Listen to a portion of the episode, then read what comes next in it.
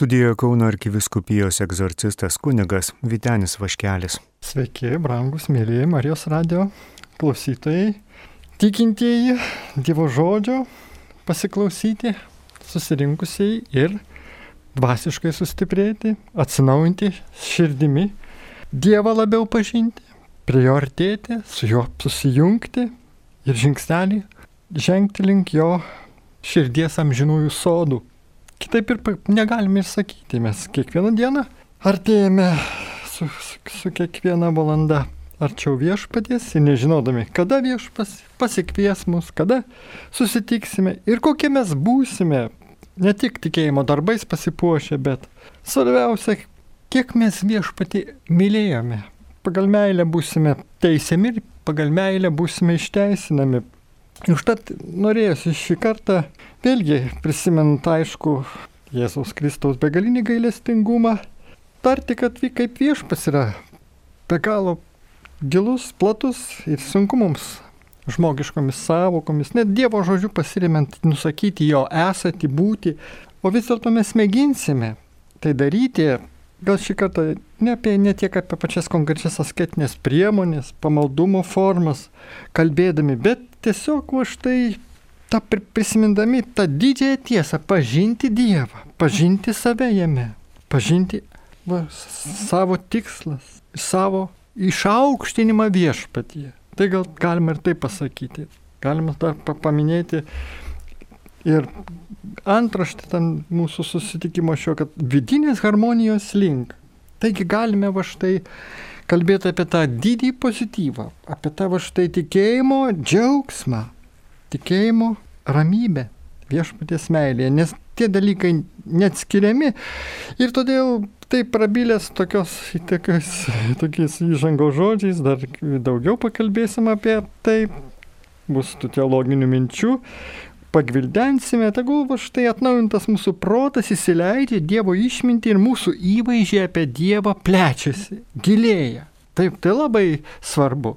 Tai štai viešpatė, pražiūrėjau ir maldoj, tave kreipiamės, kad apšviestų mūsų protą, apie tave kalbėti, yra malonė, yra didelė dovana, yra garbė, yra žmogaus išaukšinimas, kad va štai mes išpažįstam tave ta, tavo malonės veikime pasilikdami.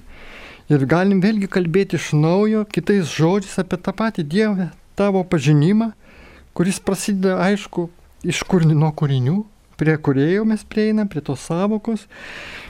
Ir suprantame, kad Dieve tavo tavęs, tavo planų, tavo minčių pažinimas, tavo viskas yra aišku per apreikštą žodį, bažnyčios mokymo magisterijos druska pasūdyta.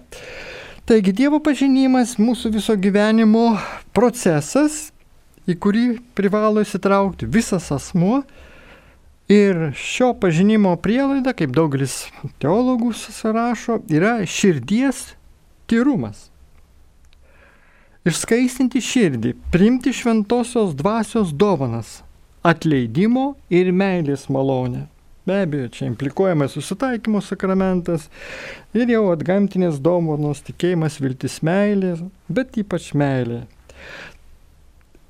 Ir jos tėviškos meilės ūkdymas pasireiškia ne tik kūno, darant meilės darbus, bet ir proto, mokant jį dalyvauti širdies intelekte. Taip, toks va štai Dievo planas. Dievo pažinimas vis dėlto yra žmogaus tiesos aktas, žmogaus, kuris būdamas laisvas, kadangi sukurtas pagal Dievo paveikslą, šliesi prie kito žmogaus, nes mes esam pašaukti bendrystiai. Dieve. Dievo pažinimas pirmiausia yra taip, ištartas šventybei ir tai kelias laisvėje. Dievo pažinimą perdoda ir išreiškia vientisa kalba, simbolis suprastas dvasinė prasme. Ir Dievo pažinimas visuomet yra bažnytinis ir liturginis. Na tai tikrumo užtikrinimas. Nes kitokie pažinimai, žinome, gali atitraukti nuo viešpaties Dievo pažinimo ir gali žmogus ant savo puikybės pripildyto proto kurpaliaus, va tą Dievo pažinimą užmauti ir nuklysti nuo tiesos tikrosios. O liturgija. Taip, ji, per kurią krikščionis užsidega troškimu, kad į šį pažinimą įtrauktų visą jo gyvenimą. Taigi, tai vėlgi didžiulė malonė. Pažinti Dievą tai ne kalbėti apie Dievą, bet kreiptis į Dievą ir veido atsigręžti į jį. Ir tik tai šventojoje dvasioje, kuri gyvena žmoguje, tu gali ištarti. Viešpatie, tu esi mano tėvas ir mano Dievas. Taigi Dievo pažinimas visiškas žmogaus ir Dievo tapatumo patvirtinimas. Žmogus yra sunus, duktė galim ir taip pasakyti, o Dievas tėvas. Kad pasitvirtintų šis tapatumas, reikia leistis į sunaus kelią, kur kiekvieną akimirką stengiamasi tėvą pripažinti tėvu, jį šlovinti ir garbinti vien todėl, kad jis yra mano tėvas. Garbiname tave Dieve tėve per tavo sūnų Jėzų Kristų šventojoje dvasioje kartu su visais šventaisiais ypač su švenčiausia mergelė Marija prieš akį.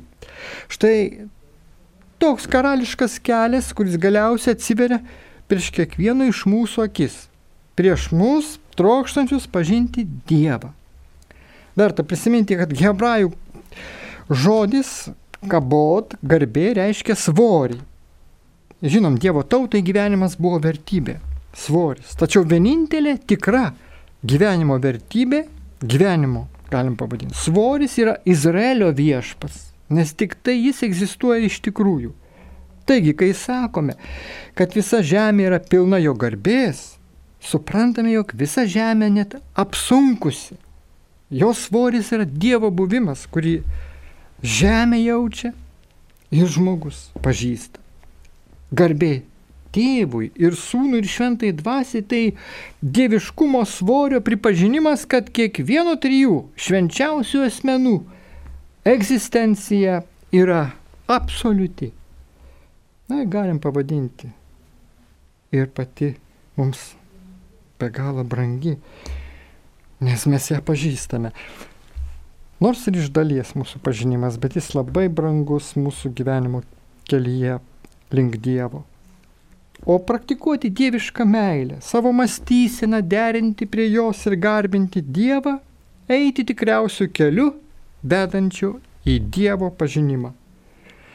Tušiam puikavimuisi, garbės troškimui, kaip žinome, yra svarbu tai, kas iš ties yra tuščia.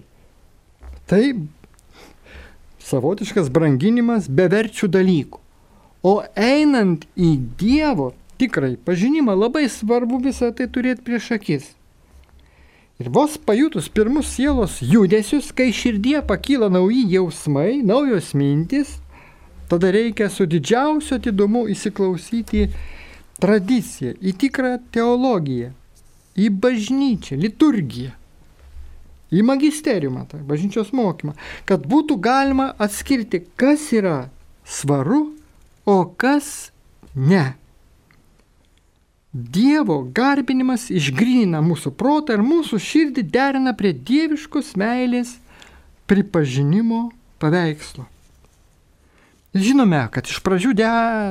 maitinamės valgių, kuris stiprina mūsų pažinimą.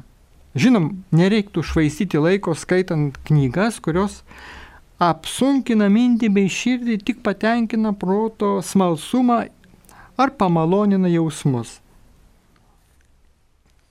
kai kurie va tikrai šventieji yra tekę skaityti, kad netgi taip kritiškai atsiliepia tokias teologinės knygas, kurios nesušildo širdies ir neuždega tikėjimu.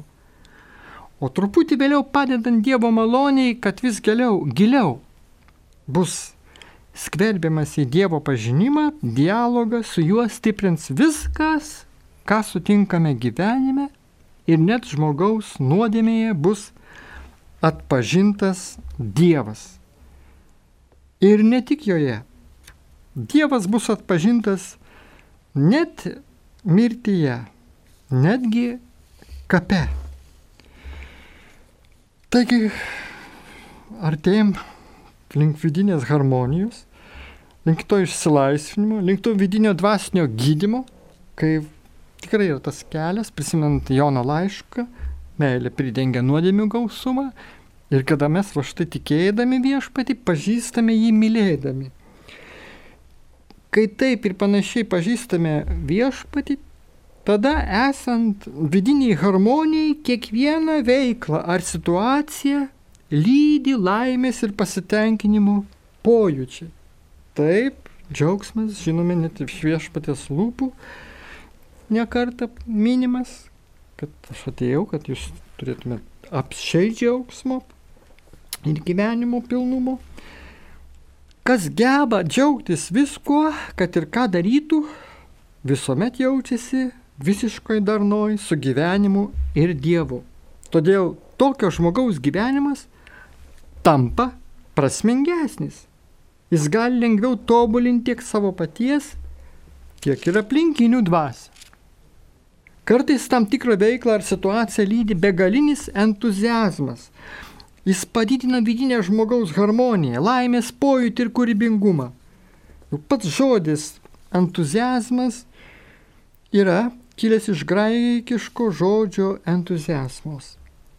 Ir jį sudaro du žodžiai. N viduje turinti savyje ir teos Dievas. Reiškia turintis savyje Dievą. Entuzijazmas padeda veikti iš vien su viešpačiu, visuomet jo vadovautis, veikti ne savo, o jo ir artimo interesams. Ir taip mumise auga gėris.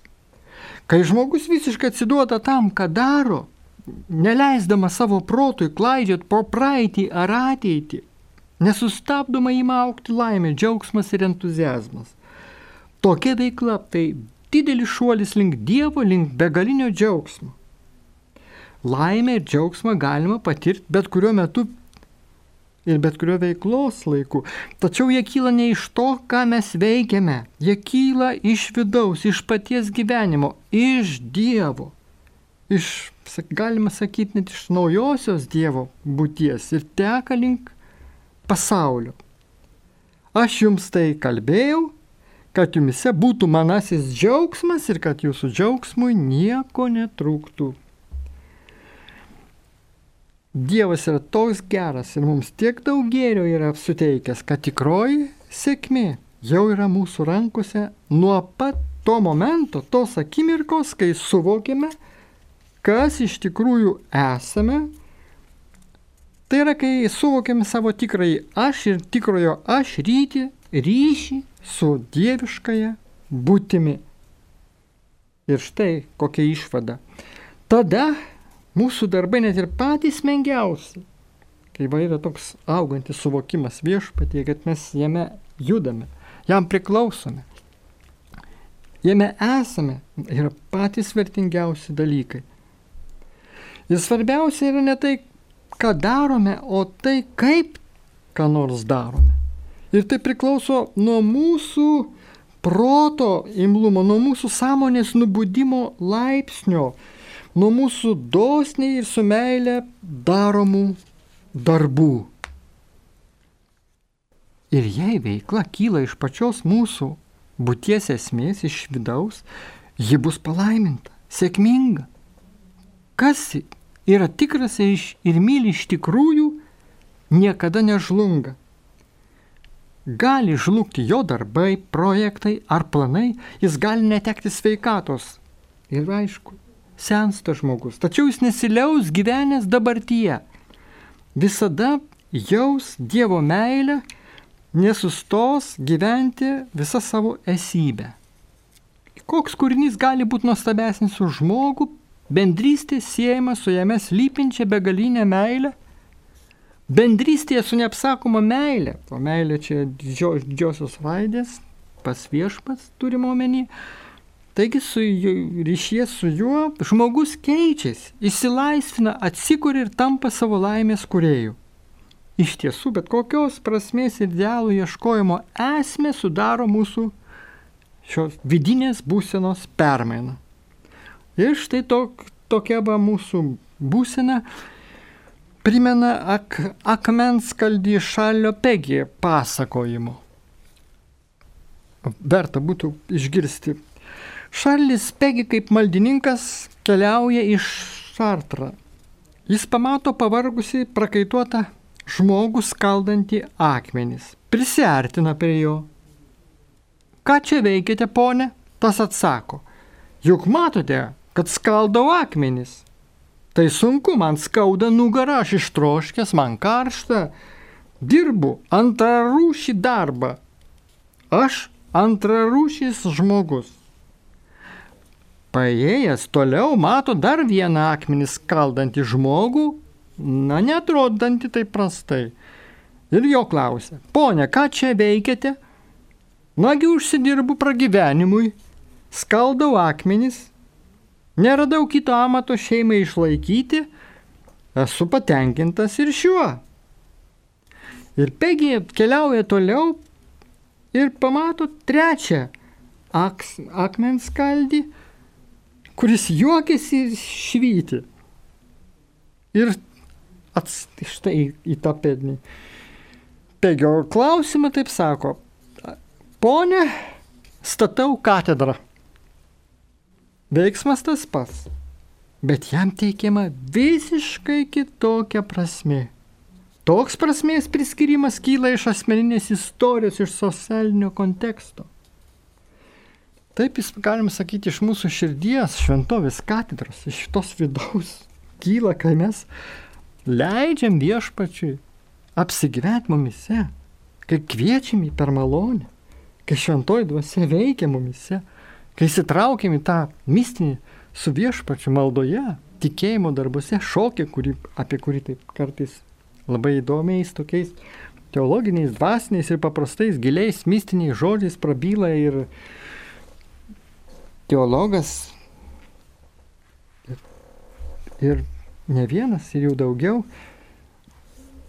ir kurie sako, Galima jaustis kuriejų, darant ir nedidelius dalykus. Uždarytas kalėjime gali jaustis laisvas. Kiekvieną kartą, kai paneigiam savyje dieviškumą, didingumą, begalybę, visybę, at, atgrėžiame nugarą tikrai laimiai. Turim prisiminti, kad esame dvasinės būtybės, galinčios pranokti save. Taigi sėkmingas gyvenimas svarbiau už sėkmę gyvenime, už pasisekimus. Taigi palaimintas Dieve gyvenimas. Visi šie gyvenimo siekiai gyvuoja kiekviename iš mūsų ir kiekvienas individas išreiškia juos savaip. Tai žmogiškų ir dvasinių būtybių kūrybiniai polėkiai.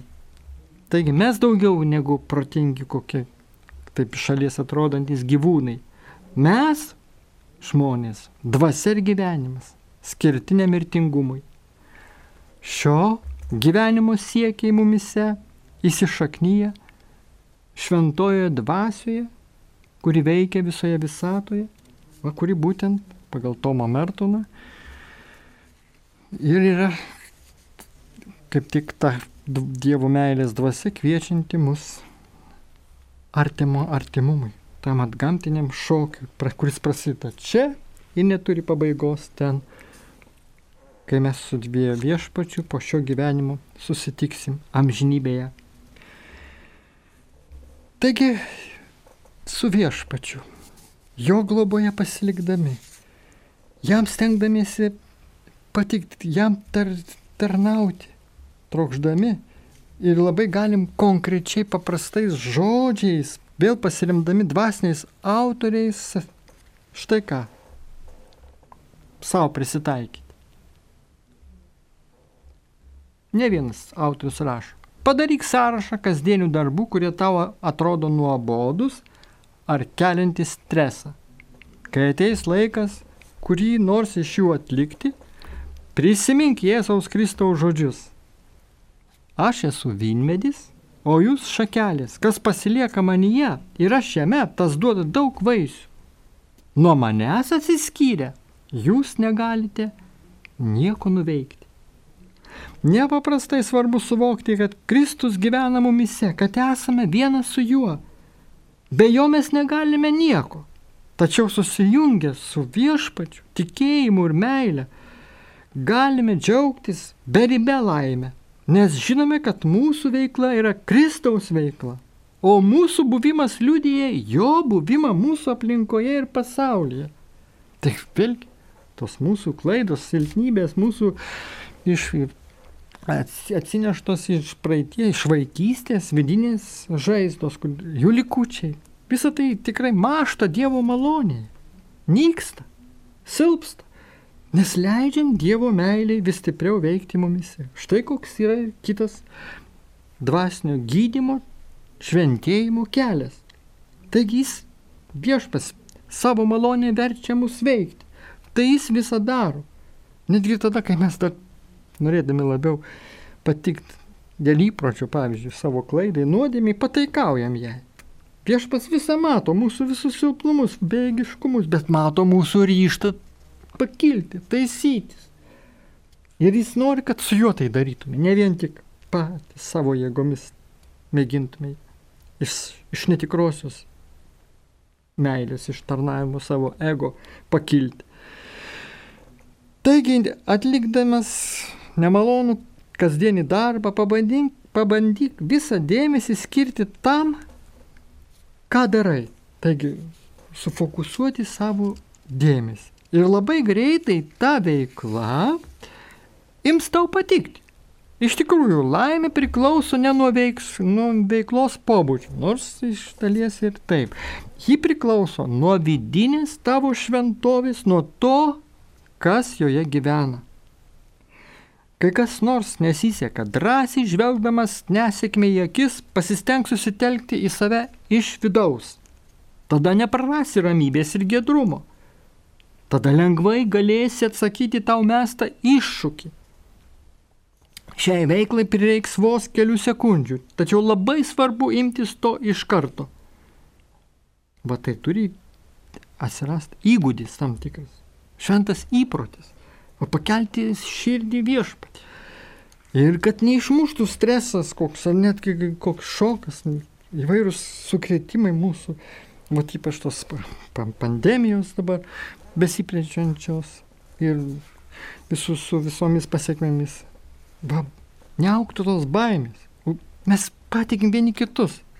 Savi, savo tautą, savo parapiją, šeimą, save pačius viešpačius sakom, Dieve, Norim dar labiau tau tarnauti, saugok mus, nes tau mes esam reikalingi kaip krikščionis, tikintys, tad padėk mums tave mylėti ne vien tik žodžiais, bet ir darbais visų gyvenimų. Taigi, turime leis, kad mūsų darbus nušviesto jo saulė šviesa, o ne kokia nors tai žibin proto lemputė maža va šviestų. Turi tas mūsų vat, protas kaip sielos gale perkeistas viešpatie. Todėl atsinaujinkite savo proto gelmėje, nebereikalo pašlas Paulius ir primena. O štai gėdama psalmė 59 mums primena. O mano stiprybė, tavęs laukiu, nes tu dievėsi mano tvirtovė.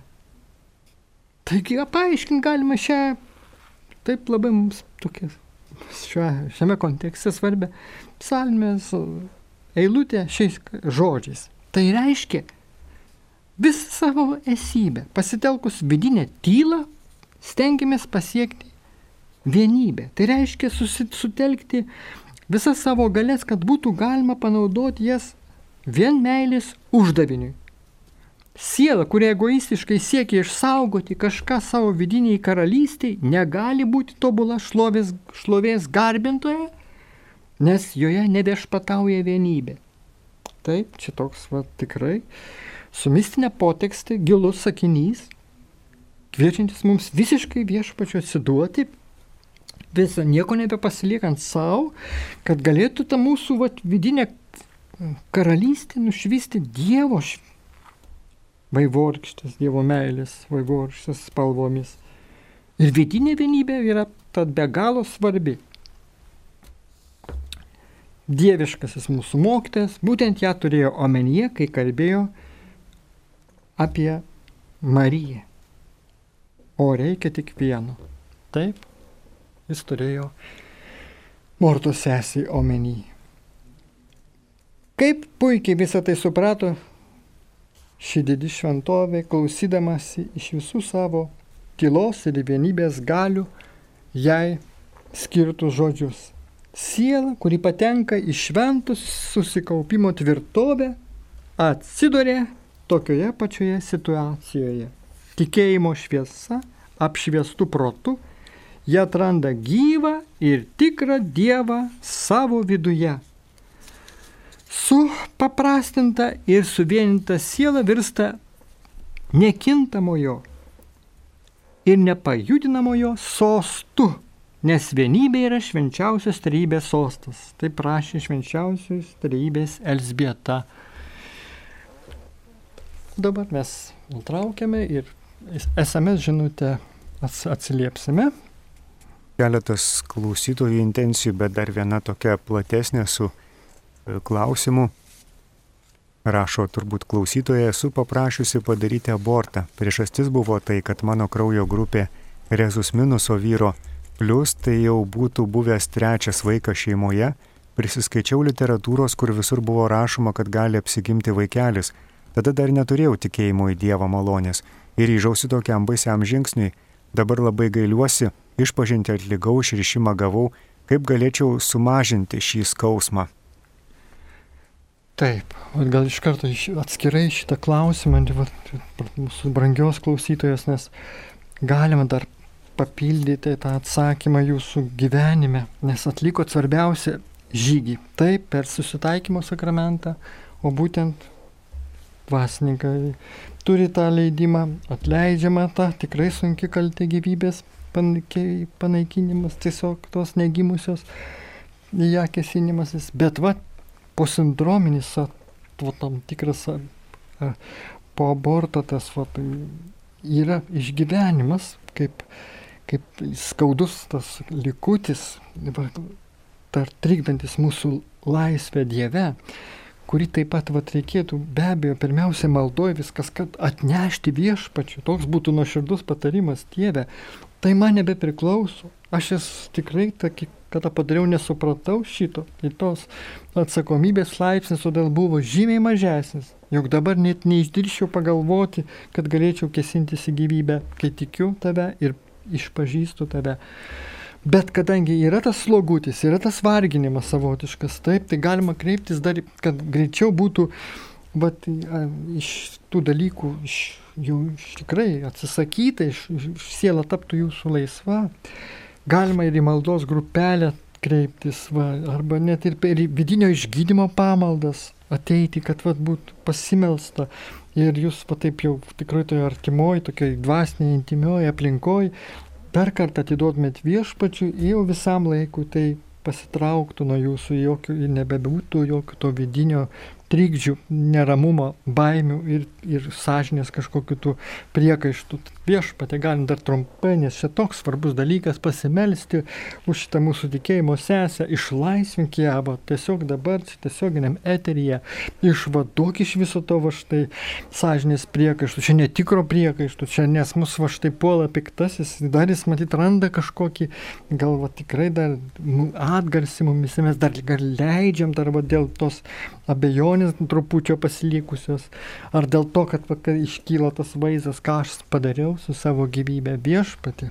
Duok mums gilų tikėjimą, viską tau patikėti, atiduoti ir sakyti, taip, tu išlaisvinai, tu visiškai išvadavai mus ir mūsų širdis visiškai tyros, šimtas procentų laisvės mano širdį. Viskas, o per šią maldą tampu laisva, rami ir džiugi. Garbinu ir šlovinu tave viešpatė už tai, kad atėjai į mano širdį, o per šią maldą kartu su kunigu, su tikinčiaisiais Marijos radio klausytojais melžiamės ir išlaisvinai mane, šlovinu tave, aukštinu tave, garbinu ir pasitikiu. Va šitaip kalbėkit ir Nebejokit, tikrai taip yra. Dievas su jumis ir pasilieka ir pasiliks visada ir per amžius. Dėkojom Dievė tau, bet yra dar esame žinučio laikas mūsų tirpsta, sakykit.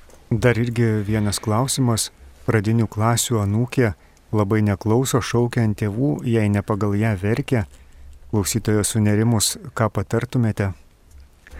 Na taip, viešpatė laimė kanukė norėtųsi iš karto tarti vėl, bet gal čia tos vaikelio ambicijos vėl galbūt kaip tėvelių atspindys, nes močiutės, mum tie seneliai rūpinasi ir mato tas žaizdelės, bet gali būti vat, dėl tėvų užimtumo didžiulio vaikai kartais vat, neranda to ne, nu, dėmesio, tos ši, šeimos žydinio šilumos jiems trūksta. Jiems paprasčiausio ir aišku, ir maldos, va, kad, kad galėtų matyti, va, jie savo tėvelius vaikai keliančius širdis į viešpatį, kai kartu kviečia va tuos mažuosius pasimelsti ir jie klauso. Va, kaip sakome, medį lenko jaunas. Tai va šito ūkdymo, krikščioniško dvasinio tokio pastiprinimo labai reikia mažiesiems, nes jos irgi, mes žinom, mas medija priemonės, internetas, televizorius atitraukia, ypač kai tėvai per nelik užsiemė įvairiais darbais ir reikalais. Palaimink viešpatė ją, palaimink ir kitus vaikus, išvaduok viešpatė iš visokio tų ambicijų, iš tokio per didelio va štai kokio susierzimo, neklusnumo ir panašiai. Nes vėlgi galima ją tą pačią mergytę atsivesti, gal net kartais į bažnyčią ir kunigo paprašyti, kad palaimintų, kad nurimtų vaikutis ir pats, kad pasimelstų, prašydamas išlaisvinimo ir suprastų, kad, kad tai yra negerumas, kad reikia to atsisakyti blogio, kuris joje pasireiškia. Taip, bet mes dar turim SMS. Ir taip pat porą intencijų Meldžiu atsivertimo malonės Marijai, Karoliui, Grėtėjai, Gustui ir už Reginą, kurie puola piktasis, kad patirtų dvasinį pagyjimą. Taip, brangiausias viešpati, vėlgi tavo akivaizdu norim iš karto va, atsistoti, tiesiog būti va, ir sakyti, vėl tik tu gali, tik tu gali mums padėti. Mes va, tavo įrankiai. Ir nenaudingi tarnai norim pasakyti su nuolankumu, kad būtų mūsų malda va, išklausyta, kad šitai su savo esybėje be tavęs nieko negalėdami savo kitiem padėti, sakome, ačiū, kad dabar tu mūsų maldas pat išklausai už šios brangiuosius laiming, ypatingai už tai nusiminimą patiriančią Reginą tai, tai ir kitus artimuosius namiškius laiming, Dievo motinėlė Marija, įpinami į rožinio maldas šias intencijas, šios žmonės, prisiminsime, kad tik kalbėsime ir šią maldą, ir kitas maldas, prašysime aukščiausiasis viešpatie jiems pagalbos ir, ir, ir dažniau prisiminsime. Taip, nes, pavyzdžiui, ir jūs, brangiai Marijos radio klausytojai, galite va, padaryti dabar intenciją, va, kad tos, va, ir anksčiau per laidas girdėtas intencijas dėl sveikatos, o tai yra taip svarbu, dėl dvasinės, dėl fizinės sveikatos, va štai malonių gavimo. Mes tik vieną akimirką galim dabar va štai prisiminti tos žmonės ir, ir sakyti, viešpatė tau atiduodu juos visus va dabar. Pavedu ir kad tik melsiuosi, kad ir neprisiminsiu taip aktualiai gyvai, bet tu juos palaimink. Va ir ta malda jau veikia, jau dabar padaryta intencija, jinai va štai gali Va, nu, jeigu dar mes suaktualinsim ją, dar labiau prisiminsim tos žmonės, va, kurie va, krito mums į širdį. Taip, tai mes juos ir atneždami tau patys dar busim palaiminti gausiau, nes kas melžiasi už kitus, tas melžiasi gal geriausių būdų ir už save patį, nes jis užmiršta save, jis išeina iš savo širdies vat, reikalų poreikių ir užmiršdamas sa, savo net poreikius eina į kitų žmonių širdis ir susitapatina su tais, kurie kenčia. Va, kaip papaštas Paulius sako, kad su kenčiančiais mokėkit tik kentėti, taip su verkiančiais verkti, su besidžiaugiančiais be pavydo džiaugtis. Tai išmokyk mus viešpatė šito gyvenimo ke kelionėje, su tavimi eiti, tau viską patikėti, tau pavesti savo rūpešius, savo reikalus. Dabar, kaip aš tai besibaigiant laidai, mes norime tos palaimos, norime viešpatė tų malonių gausos, ypač tiems, kuriems sunku gyventi, kurie kartais va štai dabar jau kai rudens ilgesni vakarai, va laikui pasikeitus ir ypač jau artėja lapkričio mėno, kai tai yra tam tikras ir tam depresijos va lygos tos kai kuriems va suaktyvėjimas, mes prašome viešpatį, kad būtent už juos būtų maldos skiriamos. Ir jie patys maldo vis atneštų savo rūpešius, savo reikalus ir užuot televizorių ar internetą žiūrėję vakare, mes vis dėlto apsispręstume. Tai labai svarbu, brangieji, imti ir paskaityti Bibliją, šventai raštą, su komentarais. Va, arba katekizmą, tikėjimo tiesas atnaujinti, kad kaip ir šiandien kalbėjau va, ir skaitėm ir naudojausi įvairią medžiagą šaltiniais. Pažinimas viešpati tavęs, ne tik sausas, teologinis, bet su tikėjimu, su įsileidimu į širdį, va, kad taptų žodis kūnų, mumise pačiuose, kaip Marijoje, kai jinai pakvietė Jėzų ir jis atėjo pas ją šventai dvasiai veikiant ir paskui gimė Kristus karalius. Ir mes esam pašaukti gimdyti Jėzų savo aplinkoje, liudyti jį, šviesti Jėzumi, būti jo meilės, tiesos, vilties nešėjai. Palaimik mus viešpatė, užtanant Marijai, būk su mumis per visas dienas, o mes baigdami laidą sakome, ačiū tau viešpatė už viską ir sudiev. Laidoje buvo Kauno arkiviskupijos egzorcistas kunigas Vitenis Vaškelis.